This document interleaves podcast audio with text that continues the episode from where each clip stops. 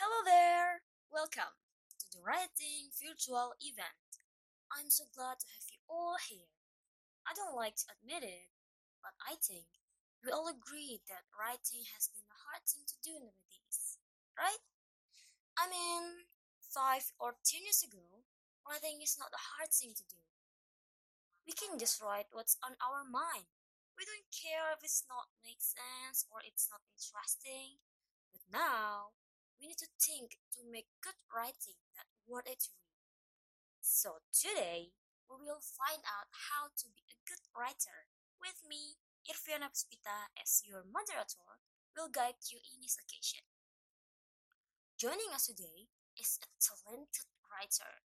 This person is not only known as a great writer, but also known as a superstar, a comedian, screenwriter, YouTuber, even a movie director.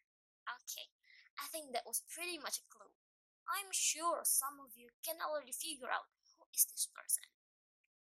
Today, he will be sharing his tips on how to make interesting writing, how to get an ideas to start writing, and how to handle writer's block to help you to be a better writer.